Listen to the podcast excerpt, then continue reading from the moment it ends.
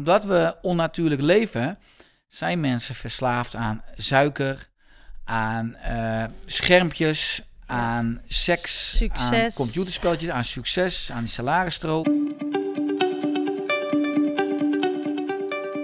Welkom bij de podcast Stilstaan voor Dummies. Een rehab voor druktemakers, eerste hulp bij stilstaan. Want het lijkt zo eenvoudig. Maar hoe werkt dat nou eigenlijk stilstaan? En wat zijn de effecten van het hebben van tijd en rust? En wat betekent dit voor jou of voor jouw organisatie? Mijn naam is Ankie van Steen en naast mijn coachingsprogramma's begeleid ik organisaties bij hun verandertrajecten. Ik gun jou jouw mooiste leven en het is tijd om op een andere manier naar werk en leven te kijken. Want het kan zo anders, zoveel mooier en zoveel gezonder. Zoveel laten we stuk gaan door drukte, door hebberigheid en door onze ikkigheid. Mijn missie is om stilstaan en ontspanning toegankelijk en bespreekbaar te maken in een maatschappij waar iedereen aan het rennen is, gericht is op meer, sneller, vlugger, de beste willen zijn. En ik gun iedereen meer rust en ontspanning, tijd voor zichzelf, omdat we dat gewoon waard zijn. Daar word je authentieker, bewuster en dus echt wel beter van. En het mooie is, je gaat er ook nog eens meer door bereiken. En hoe mooi is het als jullie mij helpen in het verspreiden van deze missie op jullie socials. Nieuwsgierig naar meer? Leuk als je me dan gaat volgen op Instagram of LinkedIn. Gewoon onder de naam Ankie van Steen. Via mijn podcast deel ik heel graag toffe en inspirerende verhalen over wat het hebben van simpelweg tijd kan betekenen voor jou, je persoonlijke ontwikkeling, jouw leiderschap, je werk, relaties, opvoeding en nog heel veel meer. Van experts krijg jij hele praktische inzichten en tips. Zie deze podcast maar als één grote menukaart en kies het gerecht uit wat bij jou past.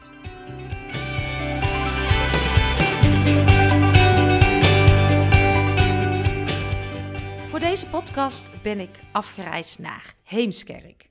En ik ben in gesprek gegaan met Richard Telet van Oersterk. Richard heeft als missie om in 2022 1 miljoen mensen leider van hun eigen gezondheid te maken. En zijn motto is dan ook: Is je lijf je lief? Leef dan preventief. Want gezond leven was nog nooit zo uitdagend als in de huidige moderne maatschappij. En dat blijkt ook wel uit de cijfers. De moderne mens wordt steeds zwakker, dikker, overprikkelder en zieker. En met zijn bedrijf Oersterk richt hij zich op preventie en leefstijl. Investeren in jezelf leidt tot meer energie in je lijf, meer mentale rust in je hoofd en meer voldoening in je leven. Want het echte antwoord op succes, dat geeft jouw lichaam. Aan het woord Richard Telet. Welkom Richard. Dankjewel. Dan zijn we in Heemskerk. We hadden een beetje opstartproblemen, maar volgens mij is het gelukt. Leuk om hier bij je Oersterk te zijn. Welkom. En uh, ja, het is misschien altijd wel leuk. Ik begin altijd van hoe zijn wij aan elkaar gekoppeld. En dat weet jij natuurlijk niet. Maar een vriendin van mij, die was altijd uh, fan van jouw podcast en van jouw visie. En die deelde bij mij je, jouw podcast. En zo waren wij een beetje het gezondheidsvirus aan elkaar aan het overgeven en aan het verspreiden. En um, eigenlijk is jouw missie, wat je zegt, dat je in 2022 1 miljoen mensen leider wil worden van hun gezondheid. Maar ik hoorde ook dat jij eigenlijk uit een hele andere wereld bent gekomen eerst. En dat jij jouw witte jas aan een kapstok hebt gehangen. En kan je ons eens meenemen wat er eigenlijk bij jou intern speelde, waarom jij die stap hebt gezet? Ja, zeker. Nou ja, dat komt eigenlijk uh, toen ik jong was. Ik ben nog steeds jong, ben 37 lentes jong. Maar ja, als, was ik benieuwd naar. Ja, als kleine jongen uh, had ik een beeld van, uh, van het arts zijn, wat totaal niet overeenkwam met de medische praktijk. En ja. Dus ik heb in 2002 begon ik aan geneeskunde op de VU in Amsterdam. Mijn doctoraal haalde ik 27 maart 2007. De maanden erop ging ze met alle ziekenhuisafdelingen eh, op voor stages.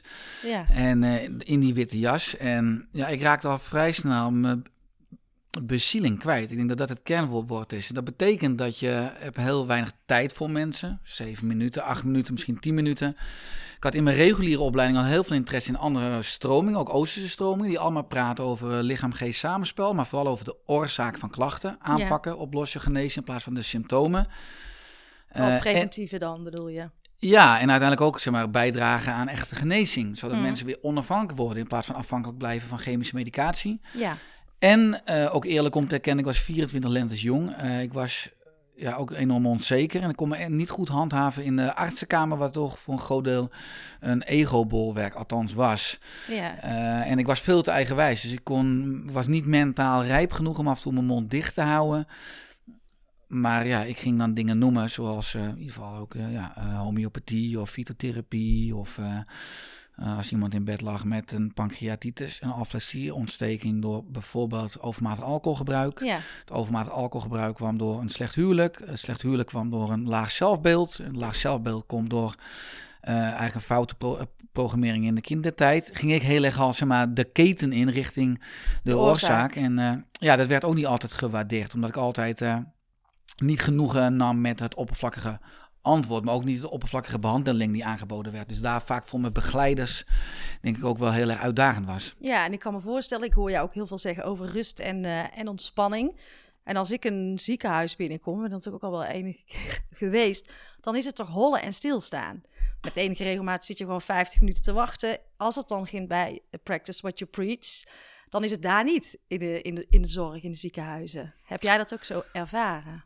Ja, klopt. In principe eh, heb je ook het gevoel dat de hele wereld ziek is. Als je in het ziekenhuis loopt, dan heb je de hele dag volle wachtkamers.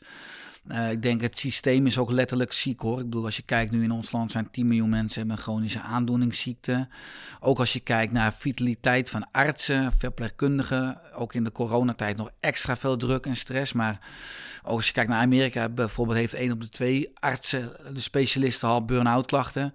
Eh, onze artsen zijn ook niet vitaal, verre van inderdaad, omdat je aangeeft, er is veel te weinig balans in het systeem. Er is veel te weinig ook mogelijkheid eh, om uiteindelijk ook zeg maar, voor je balans op te komen. Er is een toxische norm eh, Ja. in het systeem. Eh, Wat ja, is een toxische norm? Dat moet je me even uitleggen. nou, een toxische norm is bijvoorbeeld ook in een opleiding dat je 100 uur in de week draait. Dat je om voor zeven s morgens het ziekenhuis binnenloopt en ja, Ja. na zeven weer het ziekenhuis uitloopt. S'avonds misschien nog statussen mee, je hebt dossiers. Eh, dat je weekenddiensten, 24 uur diensten, dat het normaal is. En dat je opleiders ook zeggen, ja, dat was in mijn tijd ook zo. En Ja. vaak ook mensen die je moeten beoordelen.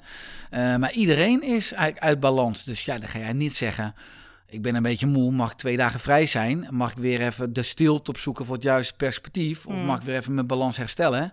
Mhm. Want ja, dat is eigenlijk niet gebruikelijk. Nee, het is een standaard. En dat zie je ook letterlijk inderdaad als je een ziekenhuis binnenkomt. En vaak ook wel de maatschappen onderling. Het is best wel een dingetje daar qua, qua ego's, wat jij Ja. zegt ook. Ja, absoluut. Ik denk als we een stap terug doen, dat jij zegt het woord ziekenhuis is al eh, compleet verkeerd qua, Mm. qua framing. Laten we het een gezondheidshuis noemen. Laten we zorgen voor een helende omgeving. En dan kan je kijken over ventilatie, dan kan je kijken naar, naar de planten. Dan kan je kijken naar de balans die artsen uitstralen in hun eigen Ja. leven. Dan kan je het hebben over yoga, meditatieruimtes. Eh, maar dan kan je eigenlijk ook hebben over, nou ja, van de kleuren die gebruikt worden, kunst, misschien huisdieren, eh, muziek, eh, etherische oliën. Enfin, dan is Ja. er eh, nog een wereld die open kan. Ja, dan is, er nog, dan is er nog genoeg te doen. En ja, ik heb zelf natuurlijk altijd veranderprogramma's begeleid. En ik zie het ook echt bij organisaties zo. De, ja, dat begint van hogerop. Wat je ziet is eigenlijk dat iedereen vergadering inkomt en vergadering uitkomt. En niemand landt meer. En daar moet je dan een verandering gaan doen. En voor, ik ben er zelf achter gekomen tot toen ik mijn sabbatical nam vorig jaar. Ik ben een half jaar gestopt met werken. Mega ingewikkeld om van alles naar niks te gaan. Maar wel het meest waardevolle om, om eh, weer eens even stil te gaan staan. Want dan pas gaat dat brein weer aan op de een of andere manier. Ik zat al, of tenminste mijn brein, mijn buik, denk ik. Want bij mij ging alles op verstand en ratio. En alles had ik uit, de rest had ik uitgeschakeld, volledig. Hoe kijk jij daarnaar? Van hoe kunnen we die organisaties weer wat gezonder gaan maken? Heb je daar een beeld bij? Ja, het is een hele goede vraag en eh, een aantal kernpunten die samenkomen in je verhaal. Nou, fijn, ik heb voor mezelf de keuze gemaakt. Ik moet uit dit systeem stappen. Ja. Ik moet een nieuw systeem op gaan bouwen, wat ik ook nu met Oersterk doe. Want ik zou letterlijk denk ik ziek geworden zijn in het gevecht tegen het oude systeem. Ik ging het niet winnen. Dus uiteindelijk is dat ook een helend inzicht geweest. Ik heb heel veel moeite en energie gestoken in het systeem, mijn begeleiders, de afdelingen, de geneeskunde willen veranderen.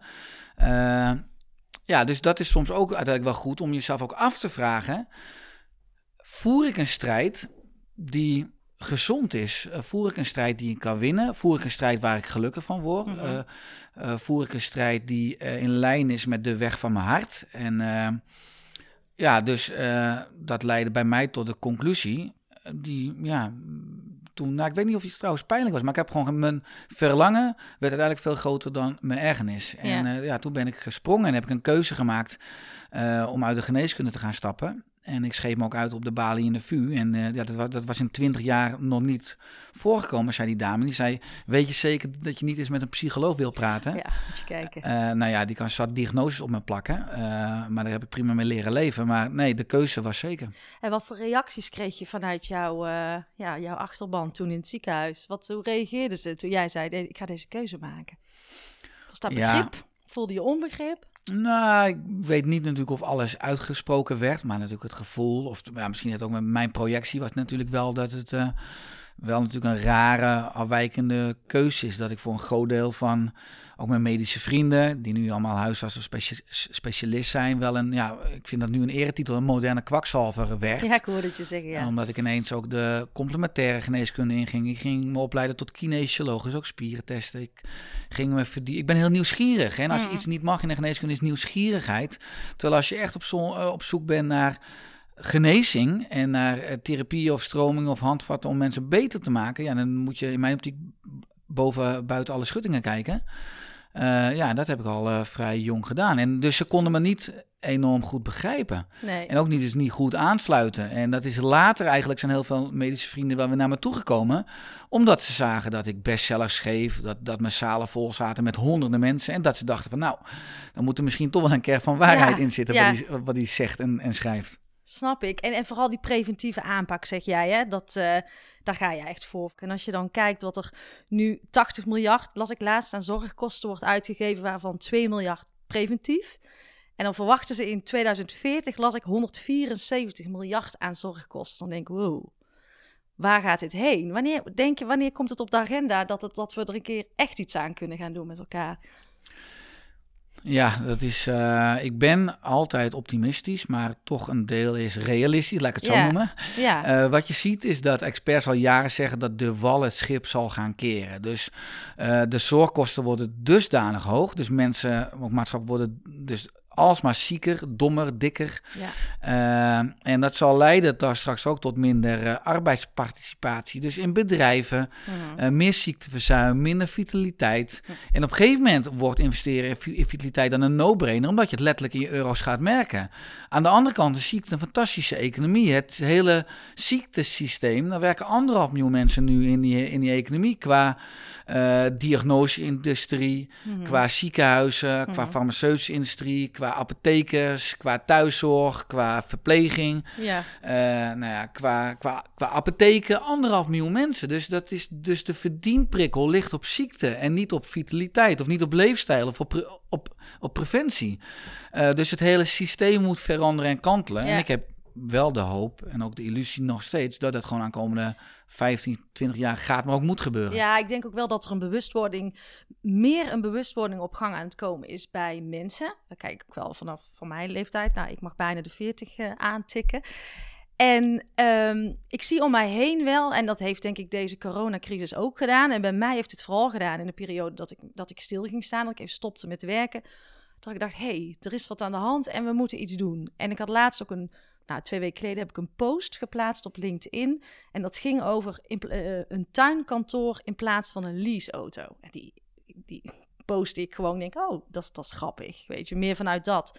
Nou, ontploft op LinkedIn. Zo viral als wat. Ik weet niet hoeveel likes, alles. En dan denk ik, ja, volgens mij leuk om viral te gaan, maar veel mooier om te zien dat er een bewustwording op gang is, dat mensen op andere manieren naar werk aan het kijken zijn. En ik hoor jou ook heel veel zeggen over leiderschap. En ik zag laatst dat leiderschap, dacht ik altijd, nou is een containerbegrip aan het worden. We roepen allemaal maar leiderschap.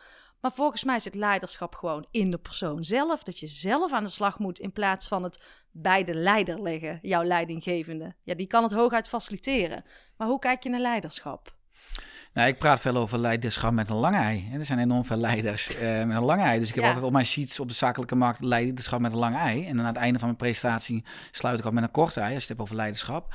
Uh, maar ik denk dat de maatschappelijke definitie van succes een illusie is. Hè? Gewoon de ook de maatschappelijke norm volgen van studeren, goede baan, uh, nou ja, eigen huis, twee auto's, twee keer per jaar vakantie, gemiddeld 2,1 kind. Uh, in essentie gaat het er gewoon om van wat maakt mij gelukkig. Of je nou ZZP'er bent, ondernemer of in loondienst. Hoe is uh, mijn werk een middel, en niet het doel, een middel om bezielder te gaan leven, om meer in mijn kracht te komen, om uiteindelijk iets toe te gaan voegen in de wereld, waar de wereld beter van wordt. We willen als mensen allemaal groeien, we willen als mensen allemaal verbonden zijn uh, met de juiste groep, maar ook bijdragen aan het grotere geheel. Mm -hmm. Uh, ja, ik denk dat dat uh, veel meer bijna spirituele vraagstukken zijn. Ook voor uh, ja, teamleiders, maar op werkvloeren, in bedrijven. Wil je, wil je echt het menselijke kapitaal, het menselijke potentieel aanspreken? ja, dan moet je veel breder kijken dan 40 uur in de week werken ja. of aanwezig zijn. Nou, dat is het. Het is gewoon harde realiteit, denk ik. We zijn hard aan het, aan het werken, maar wat je, die spirituele kant en die menselijke kant, die vind ik nog best wel moeilijk aan te tippen in organisaties. Het is nog heel erg ingericht op. Uh, en dan heb ik toch al aardig wat veranderprogramma's begeleid. Van ja, niet lullen maar poetsen, doorgaan. Nou, vooral fouten maken mag niet. Uh, jezelf kwetsbaar laten zien is helemaal een issuetje. Want uh, ik zei laatst nog, er gaf iemand, was mijn opdrachtgever, die zei, ik, en ik zeg tegen hem, oh, ik vind dat je het goed gedaan hebt. Nou, hij ging helemaal raar kijken, omdat ik hem gewoon een compliment gaf. Maar die onwennigheid in organisaties en die uh, de wijze van werken echt vanuit je hart, daar zijn we nog best wel een eind vandaan. En ik zou het echt wel super tof vinden als we daar gaan komen voor organisaties, maar ook dat stukje, hoe moet ik het zeggen? Um, dat het, iedereen zegt ook vaak, ja, het is een beetje zweverig als ik het erover ga hebben. Maar het hoeft niet, toch? Het is gewoon, ik geloof er juist in dat hij daar zit en niet in je hoofd. Ik wijs even mijn buik aan ja. voor de luisteraars. Nou ja, kijk, daar ben ik het mee eens. Ik denk dat uh, we als mensen spirituele wezens zijn met een menselijke ervaring. Nou, daar kan je over twisten. Uh, maar het is uiteindelijk, we kunnen alleen maar ons potentieel volledig aanspreken. Dus ook letterlijk op de werkvloer zo productief mogelijk zijn en zo goed mogelijk bijvoorbeeld ook voor omzet en winst zorgen. Ja. Als we als mensen in balans zijn. En uh, ons linkerbrein is heel erg productief. Maar ons rechterbrein is heel erg creatief. En ook als je kijkt naar die twee hersenhelften, dan, dan komen we eigenlijk optimaal tot ons recht als die hersenhelften in balans zijn. Dus links zit heel erg stress, chronische stress gaan we daarheen. Mm -hmm. Daar zit ego, daar zit afgescheidenheid, daar zit status, daar zit macht. Maar rechts zit heel erg eenheidsbewustzijn, verbondenheid, maar ook een staat die heet flow. Ja. Uh, en ik denk dat juist op werkvloeren het zo belangrijk is, maar eigenlijk een primaire voorwaarde, dat er voldoende ruimte is voor stilte, voor ontspanning, voor afremmen, voor vertragen. Uh, omdat daarin dus je zorg draagt voor de juiste doorbloeding van de linker en rechter hersenhelft. Mm -hmm. En daardoor uh, werknemers ook productief en creatief zijn. Ik denk dat de moderne werknemers toch veel meer nog een erfenis zijn van het fabriekstijdperk. Letterlijk een soort poppetjes op een ballon, misschien wel een soort robots. Ja. Die moeten produceren. En, Tussen 9 uh, en 5 als het kan. Ja, en, en, en ja, dat is, sluit totaal niet aan bij de 21ste eeuw. En ook niet de nieuwe economie waar we, bijna, waar we al in zitten en waar, waar we heen groeien. Daar is een andere flexibiliteit, maar ook een andere grondhouding bijna. Uh-huh. Uh, en ik denk ook dat werknemers zo veel meer een werkgever gaan zoeken... die uiteindelijk niet alleen maar kijken naar return on investment... maar ook value on investment. Ja. Dus, dus zachte voorwaarden als een werkklimaat om te groeien... maar misschien ook een werkklimaat, een werkvloer waar je, waar je kan ontspannen... waar je kan mediteren, waar een, uh, veel groen is of een... Uh, of een, of een kantoortuin, uh, waar uh, gezonde lunch is, waar allerlei secundaire of zelfs tertiaire voorwaarden zijn om je als mens persoonlijk te ontwikkelen. Want daaruit een beter mens zijn, is betere werknemer zijn en is betere omzetwinst. Ja, ja, want ja, dat ben ik het helemaal met je eens. Want jij zegt ook, je focust je op vier punten. En dan zeg jij, volgens mij is het uh, ontspanning, mindset, voeding en beweging. Ja. Nou, die koppeling zie ik dus ook wel echt in, de, in organisaties uh, gaande worden. En vooral ook om die emotionele kant veel meer aan te gaan raken. Uh, bouw jij ook bruggen richting organisaties? Of heb, heb je daar ook programma's lopen? Of is het vooral mensen komen naar jou en volgen bij jou een sessie? Heel wisselend, beide. Ik eh, ben, heb natuurlijk enorm veel activiteiten. Uh, ik uh, schrijf een boek per jaar. Ik nou, spreek voor zo'n 15.000 mensen per jaar. Op, vooral dan ook op bedrijven die me nu al spreken. Soms komt daar dus een traject uit voort. -huh. nou ja, dat is altijd vooral fijn als er een traject uit voorkomt, omdat je dan echt impact kan maken. En een inspirerende lezing is toch vaak een druppel op een gloeiende plaat. Ja, maar wel een begin natuurlijk. Maar een begin, zeker qua bewustwording. Ja. Maar dan moet je over het algemeen ook gedragsverandering en vooral gedragsbehoud, dat is de heilige graal. -huh. Speaks Academy ben ik aangesloten ook voor, uh, nou ja, voor, voor lezingen. Uh, maar we hebben natuurlijk vooral ook onze eigen Oester coachopleiding. Ik leid duizend mensen op Oester coaches met een nationaal netwerk in Nederland en België. Ja, fantastisch. Om die 1 miljoen mensen te, te bereiken in 2022, wat we gewoon gaan halen. Zeker. Uh, maar dus ik doe, aan de ene kant ben ik de zakelijke markt iets gaan terugschakelen. Omdat ik gewoon iets meer focus nu ook leg op de, onze eigen opleiding. Waar ik, waar ik met hart en ziel dan dat opgebouwd heb. Ook de lesboeken en de docenten. -huh. En de structuur. Uh, enorm project. Ook de, we hebben nu ook een zelfzorgabonnement bijvoorbeeld. In plaats van... Dat? Wat doe je dan? Nou, eigenlijk betalen mensen nu iedere maand 90 euro aan de basiszorgverzekering, 3 euro per dag. Dus dat is eigenlijk reactief. Als je, nou ja, als je je vitaliteit verloren bent en je moet geopereerd worden of je hebt medicijnen nodig. Maar investeer nou proactief in je vitaliteit. En uh, nou, dat bieden we aan met het zelfzorgabonnement. Uh, ja. En uh, nou, van nog geen euro per dag trouwens. Uh, en daarin hebben we dus al onze online cursussen over voeding, over leefstijl, recepten, uh, maar ook veel lezingen van mij van afgelopen jaar die ik opgenomen heb. Iedere maand een exclusieve masterclass. Eigenlijk om mensen de juiste kennis te geven over onze handleiding, over ons lichaam, over onze geest, over de juiste zelfzorg. Wat we eigenlijk gemist hebben op de basisschool ja. of de middelbare school. Het is geen enkel maatschappelijk instituut. We Doodzonde. hebben het voedingscentrum met een commerciële schietschijf van vijf. Mhm. Maar we hebben niet echt een instituut die ons gewoon onafhankelijk eerlijke informatie geeft van wat heeft lichaam en geest. Maar ook als je het hebt over beter denken, Ja. over beter eten, beter Ja. ontspannen, beter trainen. Eh, ja, dan moet je zelf op zoek zijn gaan. En dat is een oerwoud. Nou, ik merk het nou ook bij mijn dochter. Die zit in groep 7, die gaat in groep 8. En we krijgen haar, zij krijgt nu haar eerste, ehm, eh, hoe heet dat? dat naar welk, welk niveau ze kan. ja. Nou, die komt dus thuis en die zegt: Mama, ik, wat denk jij? Ik zeg: Nou, maakt me eigenlijk helemaal niet uit. Tess. Ik zeg: Ik hoop dat jij ruimte krijgt om eh, dat je niet op je teen hoeft te lopen. En dat je gewoon daarnaast ruimte krijgt om te, neemt om te lummelen, lekker te ontspannen. Ze is haar eigen bedrijf, je, zegt ze dan. Ik zeg: Nee, vanaf het begin is dat jouw bedrijf. Mhm.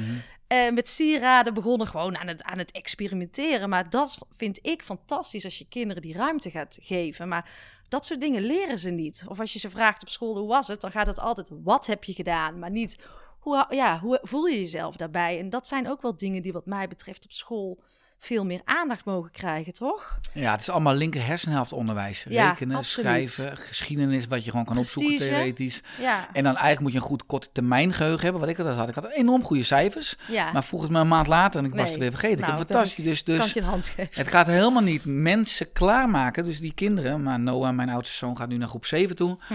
Maar klaarmaken eigenlijk voor de moderne economie. eh, waar gewoon flexibiliteit eh, nodig is. Waar je uiteindelijk kennis van je, van je juiste zelfzorg moet hebben om je eigenlijk te handhaven. Het gaat veel sneller, de informatiedichtheid.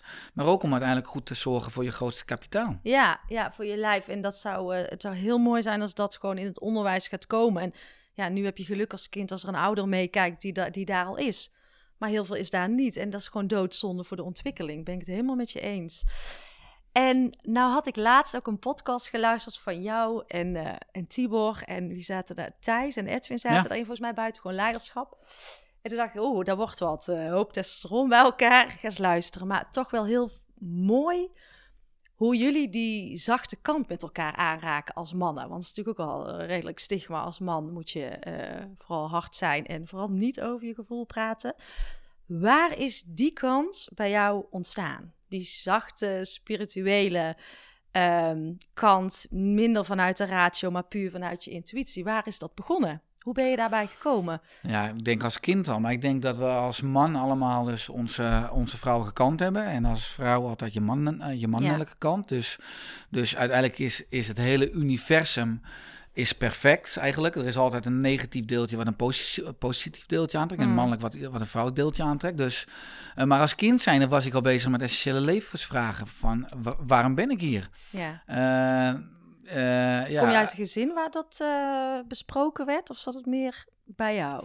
Ja, ik ben apostolisch opgevoed. En dat was ook een, uh, een geloofsovertuiging waar we dan uh, was veel meer God als, als liefdekracht in mensen. Hmm. Maar wel toen ik jong was, ging ik al naar de jeugdkring. En hadden we het al over, over essentiële levensvragen. Dus ik ben als kind al gestimuleerd en ook al na gaan denken van waarom ben ik hier? Hmm. Uh, wat mag ik toevoegen? Waar word ik echt gelukkig van? Uh, maar uiteindelijk ook gezien, uiteindelijk in mijn, ja, in mijn, al mijn ervaring als mens, maar ook in mijn praktijk voor integrale geneeskunde, waar ik 12 jaar 3500 mensen één op één mogen begeleiden. Het gaat uiteindelijk niet om een potje magnesium of een bio-identiek hormoon of om meer vezels eten. Uiteindelijk kom je allemaal uit bij ja, bij, ik noem dat de ziel, maar bij essentiële vragen van, ben ik op de juiste plek in het leven? Uh, Waar word ik gelukkig van? Ben ik dus in de juiste context? Waar zit het conflict? En dan moet je uiteindelijk ook naar het spirituele, het mentale, het emotionele, het financiële, het seksuele, het fysieke domein. Ja, ben alles ik, aanraken. Ja, en die totale mens, want dan zie je uiteindelijk conflict. En dan, dan heb je ook zicht waar je meer balans moet creëren. En... Uh, ja, en ik denk dus, omdat ik regelmatig ook de stilte opzoek, eh, want de ziel schreeuwt niet, maar die fluistert, dat ik wel heel goed verbonden ben met mijn intuïtie. En altijd wel mijn intuïtie heb durven volgen. Maar zo extreem dat als ik niet iedere maand een ervaring heb van synchroniciteit, dus echt een mhm. toeval, waar ik niet in geloof, maar gewoon dus dat ik net de juiste persoon ontmoet, of tegen het juiste boek kan lopen in de boekhandel, of uh, nou, in ieder geval dat er iets magisch gebeurt, waardoor ik altijd moet lachen. Dan moet ik minimaal één keer in de maand hebben, want dan weet ik dat ik nog op het juiste levenspad zit. Af en toe heb ik het niet, maar dan, weet ik ook, ik heb te veel stress. Ik voel even niet, uh, ik ben, ben er minder verbonden met mijn lichaamsbewustzijn en met mijn intuïtie en met mijn onderbuik. Ja, en hoe zoek jij die stilte op? Wat doe jij? Ik heb een, uh, grote tuin, ik heb eigen kippen. Dus iedere dag ben ik met de kippen bezig. Uh, ik heb een hond, dus ik loop veel buiten. Uh, ik heb één zoon, Noah, van tien. Waar ik iedere dag wel mee aan het voetballen ben. Hier ook dus bij Johan Cruijffcourt. Ja. James is anderhalf, dus ik heb een hele andere fase. Dus Kun je achteraan, denk Met hem kruip ik op de grond en die klimt op mijn rug. En ja. ik lees verhaaltjes voor met hem, wat ook al een enorme aarding is. nou ja, als je een Nijntje aan het voorlezen bent... Uh, als ik ook dan met James op de grond kruip, nu in de tuin, we hebben verse aardbeienplanten. En, maar hoe hij dan naar de wereld kijkt. En uh, vroeger had ik kantoor aan huis, waardoor je ook veel meer altijd aan het werk bent. Nu is thuis weer thuis. Maar ik ben graag dus buiten. Ik uh, mediteer iedere ochtend. Dat is echt een belangrijk eindpunt van mijn dag. Ja. nou, vanmorgen had ik bijvoorbeeld een koude douche. Ik denk dat een koude douche. Ja, dat hoorde, jou, hoorde ik jou zeggen. Wat is. Ik doe dat dus deze week. Ben ik koud aan het afdouchen. waarvoor doe ik dat? Nou, koude douche brengt uh, veel... Kijk, eigenlijk is gezondheid niet de afwezigheid van ziekte, maar de aanwezigheid van vitaliteit. Mhm. En vitaliteit is opgebouwd uit drie sleutelsystemen. Autonome zenuwstelsel, immuunsysteem en brein. En eigenlijk de drie breinen, hoofd, hart, buik. Ja. Die drie systemen kan je enorm positief beïnvloeden, in balans brengen, in balans houden, met acute stressoren. En een koude douche is een acute stressor. Dus het geeft even stress, maar daarna zie je herstel in die systemen. Dus je autonome zenuwstelsel is meer in balans, je immuunsysteem gaat sterker functioneren. En je hebt veel meer, dus weer scherpte in je brein voor wat belangrijk is en wat urgent is. Heel veel mensen zijn de hele dag reactief worden geleefd door allemaal urgente prikkels. Ja. En aan het einde van de dag voelt het onvoldaan, want je hebt eigenlijk niet gedaan datgene wat belangrijk was, wat impact maakt op lange termijn. En mhm. een koude douche zorgt in het begin van de dag al voor, schrijf ik iedere dag ook mijn doel op. Uh, zodat ik al helder heb van uh, waar ik het einde van de dag moet eindigen. En niet dan dus geleefd voor, wat me te vaak wel gebeurt, zo trouwens. Ja, uh, daar gaan we daar ook nog even over hebben. Want je zal natuurlijk ook absoluut je valkuilen hebben. Maar um, wat jij net zei, van oké, ik moet toch regelmatig de stilte opzoeken. Um, ik ben daarachter gekomen dat ik dat al iets later, dat dat dus voor mij ook heel belangrijk is. Um, maar ik kan me voorstellen, kijk, ik hoorde altijd wel op een gegeven moment, ging er, hoorde ik in mijn hoofd, je hebt of een pijn of een verlangen om iets te veranderen. Hè? Dat is de basis om te starten. En ik hoorde altijd wel een stemmetje, vooral in mijn laatste opdracht, van hé hey Ank, dit is niet de juiste weg. Maar door mijn drukte kon ik het ook heel makkelijk wegstoppen. En toen ik dus die sabbatical ging, toen werd ik eerst de eerste periode echt helemaal gek van de stilte. Want je bent, het is bijna een soort verslaving waar je uit moet stappen.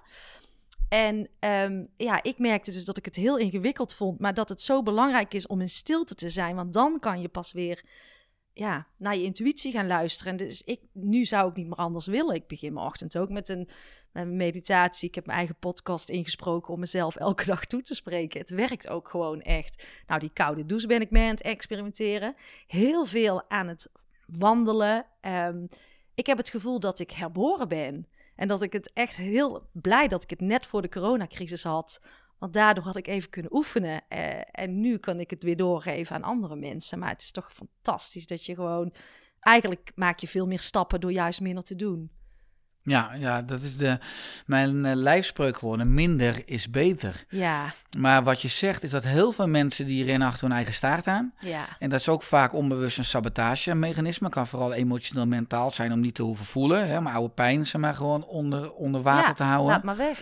Maar ook aan de andere kant, als je fysiologisch kijkt wat er in de hersenen gebeurt, is dat er, ja, dat heet endorfine-resistentie, ongevoeligheid voor endorfines. En dat zijn juist die langdurige gelukstofjes. Mhm. Omdat we onnatuurlijk leven, zijn mensen verslaafd aan suiker, aan eh, schermpjes, aan seks, aan computerspelletjes, aan succes, aan die salarisstrook, aan waardoor je eigenlijk nooit in het huidige moment die voldoening en het geluk voelt. Altijd iets nastreeft, de illusie van morgen of in de toekomst, of naar die promotie, of als ik eerst de, deze fase op orde heb. Ja, kort geluk. Ja, en dat is eigenlijk de, dat is eigenlijk de valkuil van het leven. Een goed leven bestaat uit goede dagen. Altijd uit nu, vandaag. Als je vandaag een goede dag hebt en morgen overmorgen weer, is de kans groot dat je uiteindelijk een goed leven hebt. Maar dus om die endorfine resistentie op te lossen, dat kan juist ook door met je blote voet in het gas te gaan lopen, eh, koud te douchen, Ja. natuurlijk te gaan eten en zonder pakje en zakjes. Eh, maar juist ook dus een tijdje die stilte op te zoeken, een maand Ja. of langer een, een sabbatical te nemen. Ja. Want dan kom je er pas echt achter datgene wat op blijft komen, dat dat hetgene is waar je blijkbaar dus echt gelukkig van ja, wordt. dat eh, werd mij wel duidelijk. En het is, eh, ik kan het iedereen aanraden, maar omdat natuurlijk niet iedereen de mogelijkheid heeft, of tenminste, eh, dat is misschien ook weer een reden waarom je het niet doet. Maar ja, ik kon, ik kon er een half jaar uit. En ehm, daarom wilde ik ook deze podcast starten om mensen te inspireren vanuit allerlei invalshoeken, vanuit je relatie, vanuit voor je gezondheid, eh, eh, op al- ontwikkeling, kinderen, opvoeding, wat stilstaan kan doen. En ik merk ook gewoon dat je en een betere moeder wordt, een betere partner. Ehm, als ik in het bos loop, hoor ik weer dingen. Mijn leven was zo vluchtig dat ik gewoon niks meer zag. Ik was alleen maar hebberig. En dat zat me mega in de weg. En ik vind het zo mooi dat dat dan weer... Dat dat succes wat ik heel erg extern legde, dat dat weer vanuit... Ik voelde me op een gegeven moment ook schuldig als ik een Instagram-post deed... voor die sabbatical nog over ons nieuwe huis bijvoorbeeld. Dan dacht ik altijd, ook oh, ben aan het stoeven. Maar dat was ook achteraf, omdat ik het vanuit de verkeerde intentie aan het doen was. En nu ik dus alles weer vanuit mijn interne waardes aan het doen ben... Ja, dat, dat is voor mij toch, dat is toch geluk. Absoluut. Nee, wat je zegt, dat is veel meer ook het linkerbrein. Dat is ik eerst en dat is nooit genoeg. Het is een put die je niet kunt Nee, het vullen. houdt niet op. Nee, Nee. helemaal waar. En ehm, heb jij dan ook nog valkuilen? Waar is het jou, eh, want je kondigt natuurlijk iets prachtigs, maar waar zit voor jou dat je zegt, hé, hey, daar heb ik nog iets te leren? Ja, ik heb, nou ja, natuurlijk heb ik, net als ieder mens, mijn eigen proces. En ik ben eh, niet goed in, in, in kaderen. Lees, ik vind alles leuk. Dus gelukkig ben ik niet meer in onze infoboxen. Neem ik de telefoon niet meer aan. Dat doen andere mensen. Want ja, ik, dus te veel mensen willen met me lunchen. We willen projecten met me. En in het verleden heb ik gelukkig zijn dat ik hier met jou een podcast mag maken. Ja, klopt. Eh, heel veel mensen, daar zeggen we nee tegen. Maar eh, ik vind het hartstikke leuk. Dus jij kwam direct bij mij en dan heb Ja. je in die zin mazzel. Maar Ja.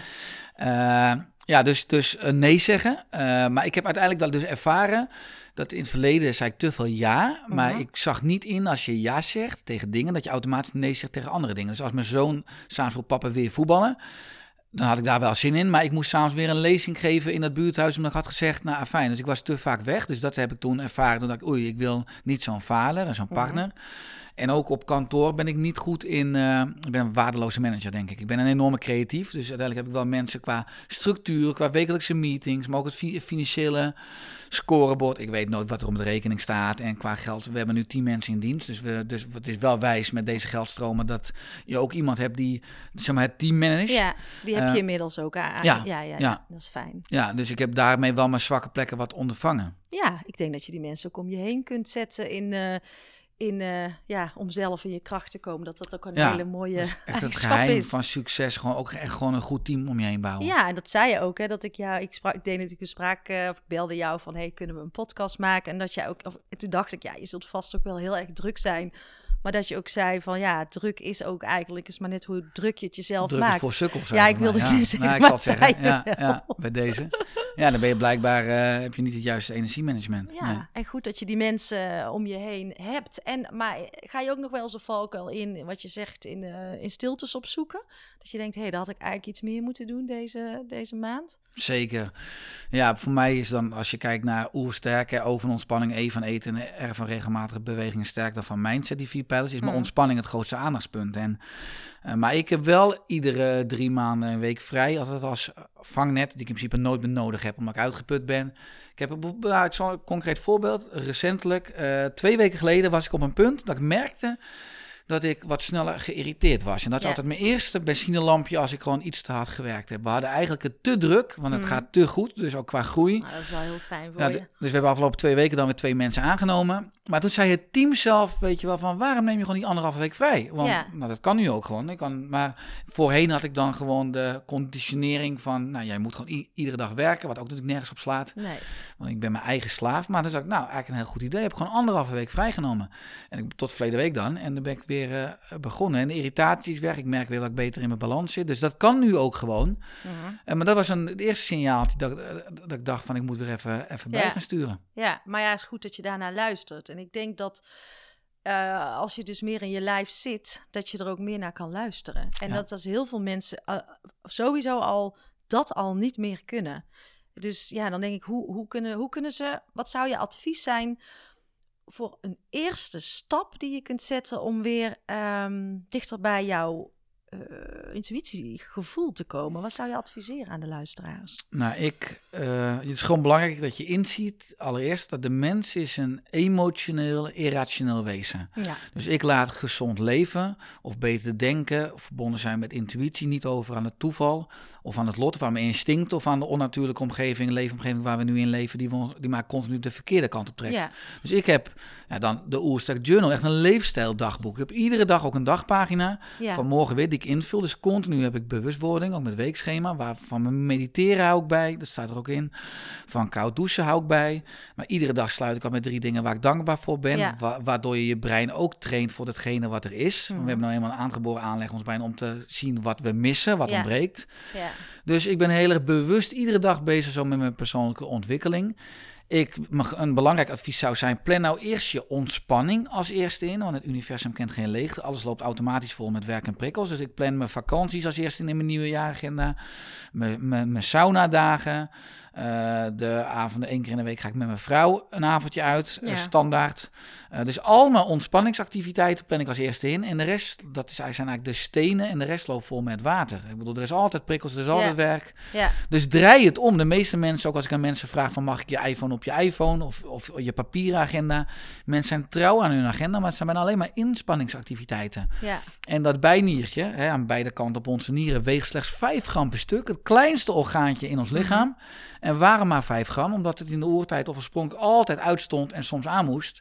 En nu moet het altijd aan en mag het soms uit. En daar zijn we niet voor ontworpen. Dus wij zijn, dus in ons ontwerp, als je kijkt naar onze nieren en bijnieren, zie je al dat we gemaakt zijn voor vertragen. Ja, Voor stilte, voor rust, voor bezinning, voor perspectief. Maar ook uiteindelijk daarmee voor een juiste doorbloeding van eh, Mhm. ons linker en rechter hersenhelft. En Mhm. dan zie je menselijke waarden als compassie, als empathie, als medemenselijkheid, als vrede. Als, eh, dat komt dan pas tot uiting. Want Ja. bij chronische stress overleven we in ons linkerbrein. En dat onderscheidt ons niet veel meer van beesten. Dan worden we egocentrisch, egoïstisch.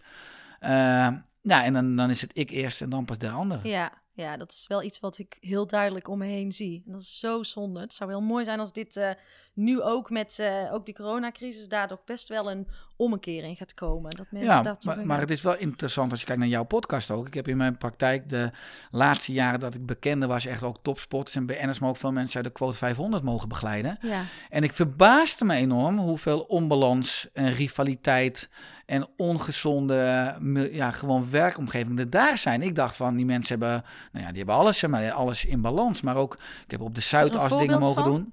Zonder naam.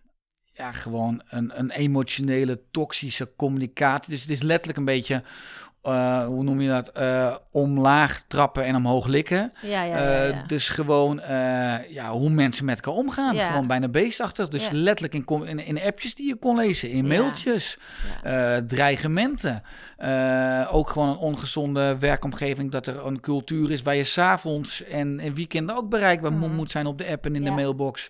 Slaat helemaal door, hè? Ja, hoe mensen met elkaar communiceren of juist gebrek aan communicatie. Managers die werknemers afblaffen, dat je denkt van dat is zeker een grapje. Zo ga je toch Ja. niet, zo, zo zou ik nog ineens met mijn, met, met mijn buurvrouw Ja. omgaan, zeg maar. Nou, Ja. ik denk dat het, het fundament in organisaties gewoon helemaal rot is. Als ik dat ook zie bij, de, bij wat ik... eh ik kom dat met enige regelmaat tegen, maar weinig vertrouwen. Ehm, ehm, ja, die hiërarchie is toch nog wel hard. Eh, er wordt geen voorbeeldgedrag getoond. En mensen zijn toch ook wel een beetje kuddedieren en ja, makke schaapjes. Dan denk ik, ja, je kan toch ook voor jezelf opkomen hè? en zeggen van... hé, hey, dit is niet wat ik wil. Maar ehm, er was bij mij een vrouw die wilde in coaching. En eh, ik, ik zei aan de telefoon, zij belde mij. Ik doe altijd een intake om te kijken of er een juiste match is. En ik zei tegen haar, ik help jou. Nou, en die vrouw begon, die vond die zei, dit heb ik nog nooit gehoord van mijn, eh, van mijn leidinggevende of iemand. Dat iemand me helpt. Ik zeg, ja, dat is toch bij, bij, je zou bijna zeggen, ja, dat is het eerste wat je doet. Je hand leven uitreiken. is geven, ja. Ja, en toch is zij daar, eh, was ze daar helemaal van ontdaan. En, en toen bedacht ik me weer, nee, dan zijn we toch nog best wel ver van huis, misschien ook wel. En dan denk ik, als je vraagt, wat mij betreft, zouden nieuwe leidinggevenden in organisaties juist ehm, dat leiderschap wat mensen zelf moeten ontwikkelen, dat zou een leidinggevende moeten kunnen faciliteren. Absoluut. Het gaat om je morele kompas. En dat kompas kan je alleen maar goed afgesteld hebben als je dus Ja. verbonden bent met je eigen hart, met je eigen intuïtie. Ja, maar ik denk dus dat die, de, het middelmanagement totaal nog niet in verbinding is met zichzelf. Nee, maar daarom gaat dat sy- systeem zich aankomende jaren vanzelf afbreken. Want dat is hoe de natuur werkt. Als je Ja. niet volgens de natuurwetten werkt. En dat de natuur veroordeelt niet, maar Nee. werkt wel met natuurlijke consequenties. Dus de natuur regelt zichzelf. En al die oude structuren.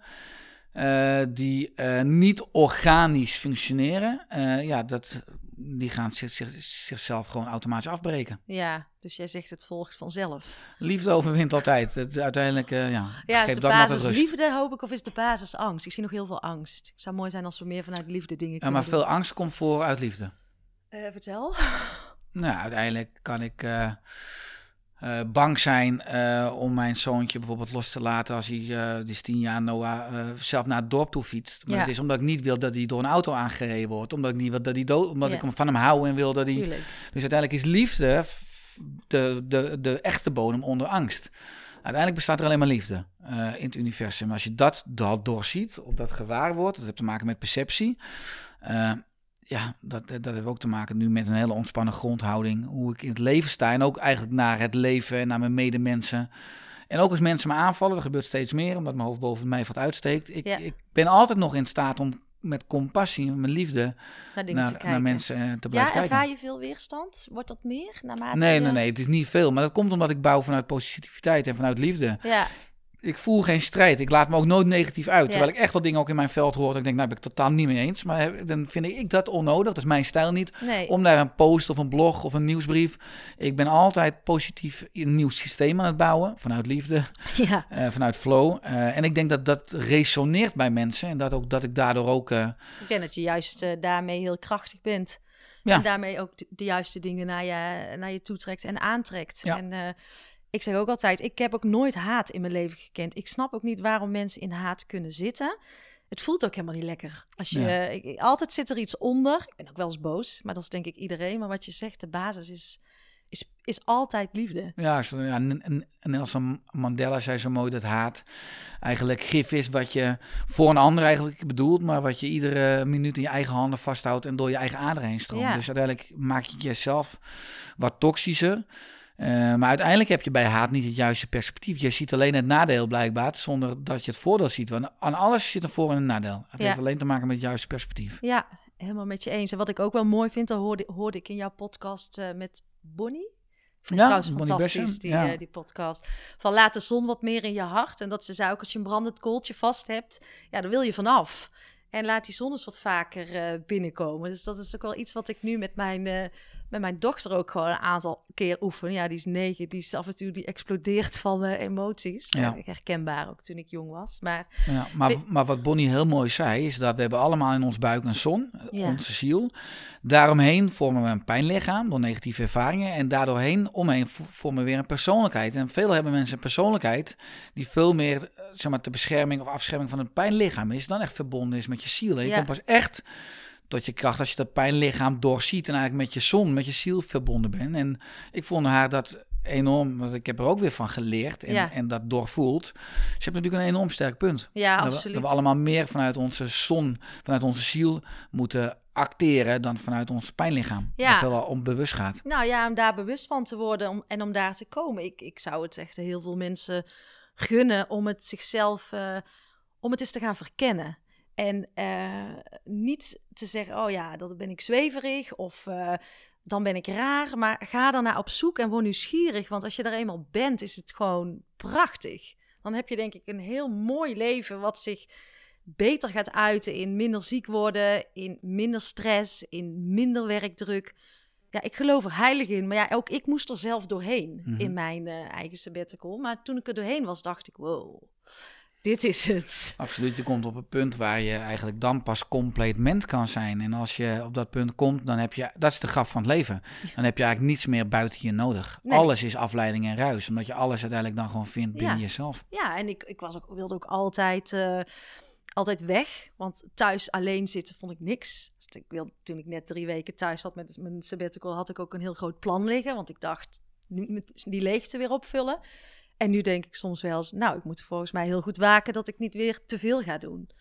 Maar het is eh, fantastisch als je daar bent. Dus laten we eens eh, nog naar het einde toe gaan. Richard, hoe ziet jouw ideale dag eruit? Ja, mijn ideale dag eh, ja, laat ik dus niet aan het toeval over. Ik heb iedere dag dus dat ik s'morgens iets doe uit mijn oerdriehoek. Dus ik doe scout, ik doe een ademhalingsoefening of ik slaap minimaal 7,5 uur. Ja, Dat zijn mijn drie ontspanningspijlers. Ik doe daar waar ik één van kies. Ik doe iedere dag een beweegpijler. Dus ik beweeg nuchter voor mijn eerste maaltijd. Ik eh, doe krachttraining of ik ga wandelen. Vaak met, met de hond, cardio. Ja. Met passie en altijd, altijd buiten. En qua voeding eh, eet ik 500 gram groente op een dag. Eh, bulk drinken, dus wijn minder vaak op een dag drinken. Maar als je drinkt, drie glazen water per keer. En dat drie keer op een dag. oh ja, dat doe ik ook. Maar ik dacht altijd dat dat niet goed was. Maar dat is dus goed. Ja, dat is fantastisch. Oh, Juist oké. 100 slokjes op een dag drinken is niet, is niet, is niet goed. Daar kunnen we Ah. van gaan, eh, gaan ontsteken. Oké. Of intermittent fasting, dus gewoon normaal het overslaan. Ik doe drie dagen per week sla ik ontbijt gewoon over. En dan eet ik maar twee keer per dag, lunch, avondeten. Dat kun je dus ook. Ik dacht, als je daaraan begint, dan moet je dat continueren, altijd doen. Maar dat is dus niet zo. Gezondheid is flexibiliteit. En eigenlijk als je gewoon varieert afwisselt, dan word je enorm flexibel. En, eh, we zijn flexibel als we tien keer op een dag kunnen eten. Dat kan iedereen, dat doet iedereen. Maar niet, ook als je één keer per dag kan eten, dan kan bijna niemand meer. En daarom is de maatschappij eigenlijk zo ongezond. Oké. Maar dat is eigenlijk die, die driehoek een beetje de juiste zelfzorg voor mijn body, lichaam. Ja, En qua mind doe ik iedere dag meditatie. Sociale verbinding. Ik zoek iemand op waar ik energie van krijg. Of ik bel iemand. Of Ja. ik Skype. Of ik Zoom nu, Ja. zeker ook afgelopen. En ik sluit af met eh, dankbaarheid. Drie dingen waar ik iedere dag, einde van de dag opschrijf waar ik dankbaar voor ben. En dat is eigenlijk dat is wel iets wat ik iedere dag doe. Ja. En eh, iedere dag dus schrijf ik mijn doel op. Wat iedere keer op die, op die da- dagoverzicht ook in die journal zit. Ik, uiteindelijk had ik altijd briefjes op mijn nachtkastjes. En al die mensen die ik begeleid, zie ik natuurlijk continu dat iedereen verzandt en verdwaalt. Dus uiteindelijk ben ik daar maar echt een eh, boek van gaan maken. Een Ja. leefstijldagboek. ga ik daar even in kijken. Ja. Leuk. hey, ik eh, wil jou bedanken voor deze hele fijne podcast en jouw openheid en eh, jouw verhaal. Ik heb er weer veel van geleerd. Graag gedaan. Jij en dank voor het podium. eh, ja, onze luisteraars ook. Dus dank je wel. Graag gedaan. Alle goed verder met je mooie podcast. Dank je wel. Het zit er weer op. Het was weer een hele mooie en waardevolle aflevering. Dankjewel Richard. Onze werkdruk die blijft dus maar stijgen en het aantal burn-outs neemt verder toe. We zijn zo aan het rennen als hamsters achter elkaar in een. En we plegen roofbouw op ons eigen lichaam. En wat zijn we aan het doen? Voor wat? En voor wie? En als je over een jaar terugkijkt of over een maand, ben je dan trots? Ben je dan blij? Als ik mijn sabbatical niet had genomen, dan was ik waarschijnlijk zo doorgegaan tot en met mijn pensioen. Want alles ging eigenlijk wel prima. Maar met de inzichten van nu denk ik: wow, wat heb ik toch jarenlang onder een vorm van stress gestaan die ik keihard negeerde die ik gewoon niet eens door had, niet eens voelde. En ik voel nu pas dat het ook anders kan. Ik voel zoveel interne rust en ontspanning is nu een vast element in mijn dag geworden. Ik ben gestopt met het nastreven van een leeg doel, het doel van meer, vlugger, sneller. En ja hoor, daar past ook een geweldige carrière of een topfunctie bij. Want je kan pas goed voor anderen en je bedrijf zorgen als jij goed voor jezelf zorgt. En daarin zou ook een beter voorbeeld mogen volgen. Maar het begint bij onszelf. Het begint bij jouzelf. Jouw lijf is jouw grootste kapitaal, toch? En stilstaan en ontspannen is iets wat je moet oefenen. Geef het de tijd, want we zijn het volledig afgeleerd in een tijdperk waar alleen ons dominante linkerbrein aan het werk is. Dus wat ga jij vanaf nu anders doen? Kan ik iets betekenen voor jou of voor jouw organisatie? Of ben je zelf op zoek naar coaching? Laat het mij vooral weten, want ik help jou graag. Op mijn website www.ankievansteen.nl vind je mijn programma's en aanbod. Of volg mij op Instagram gewoon onder de naam Ankie van Steen. Dankjewel en tot de volgende podcast.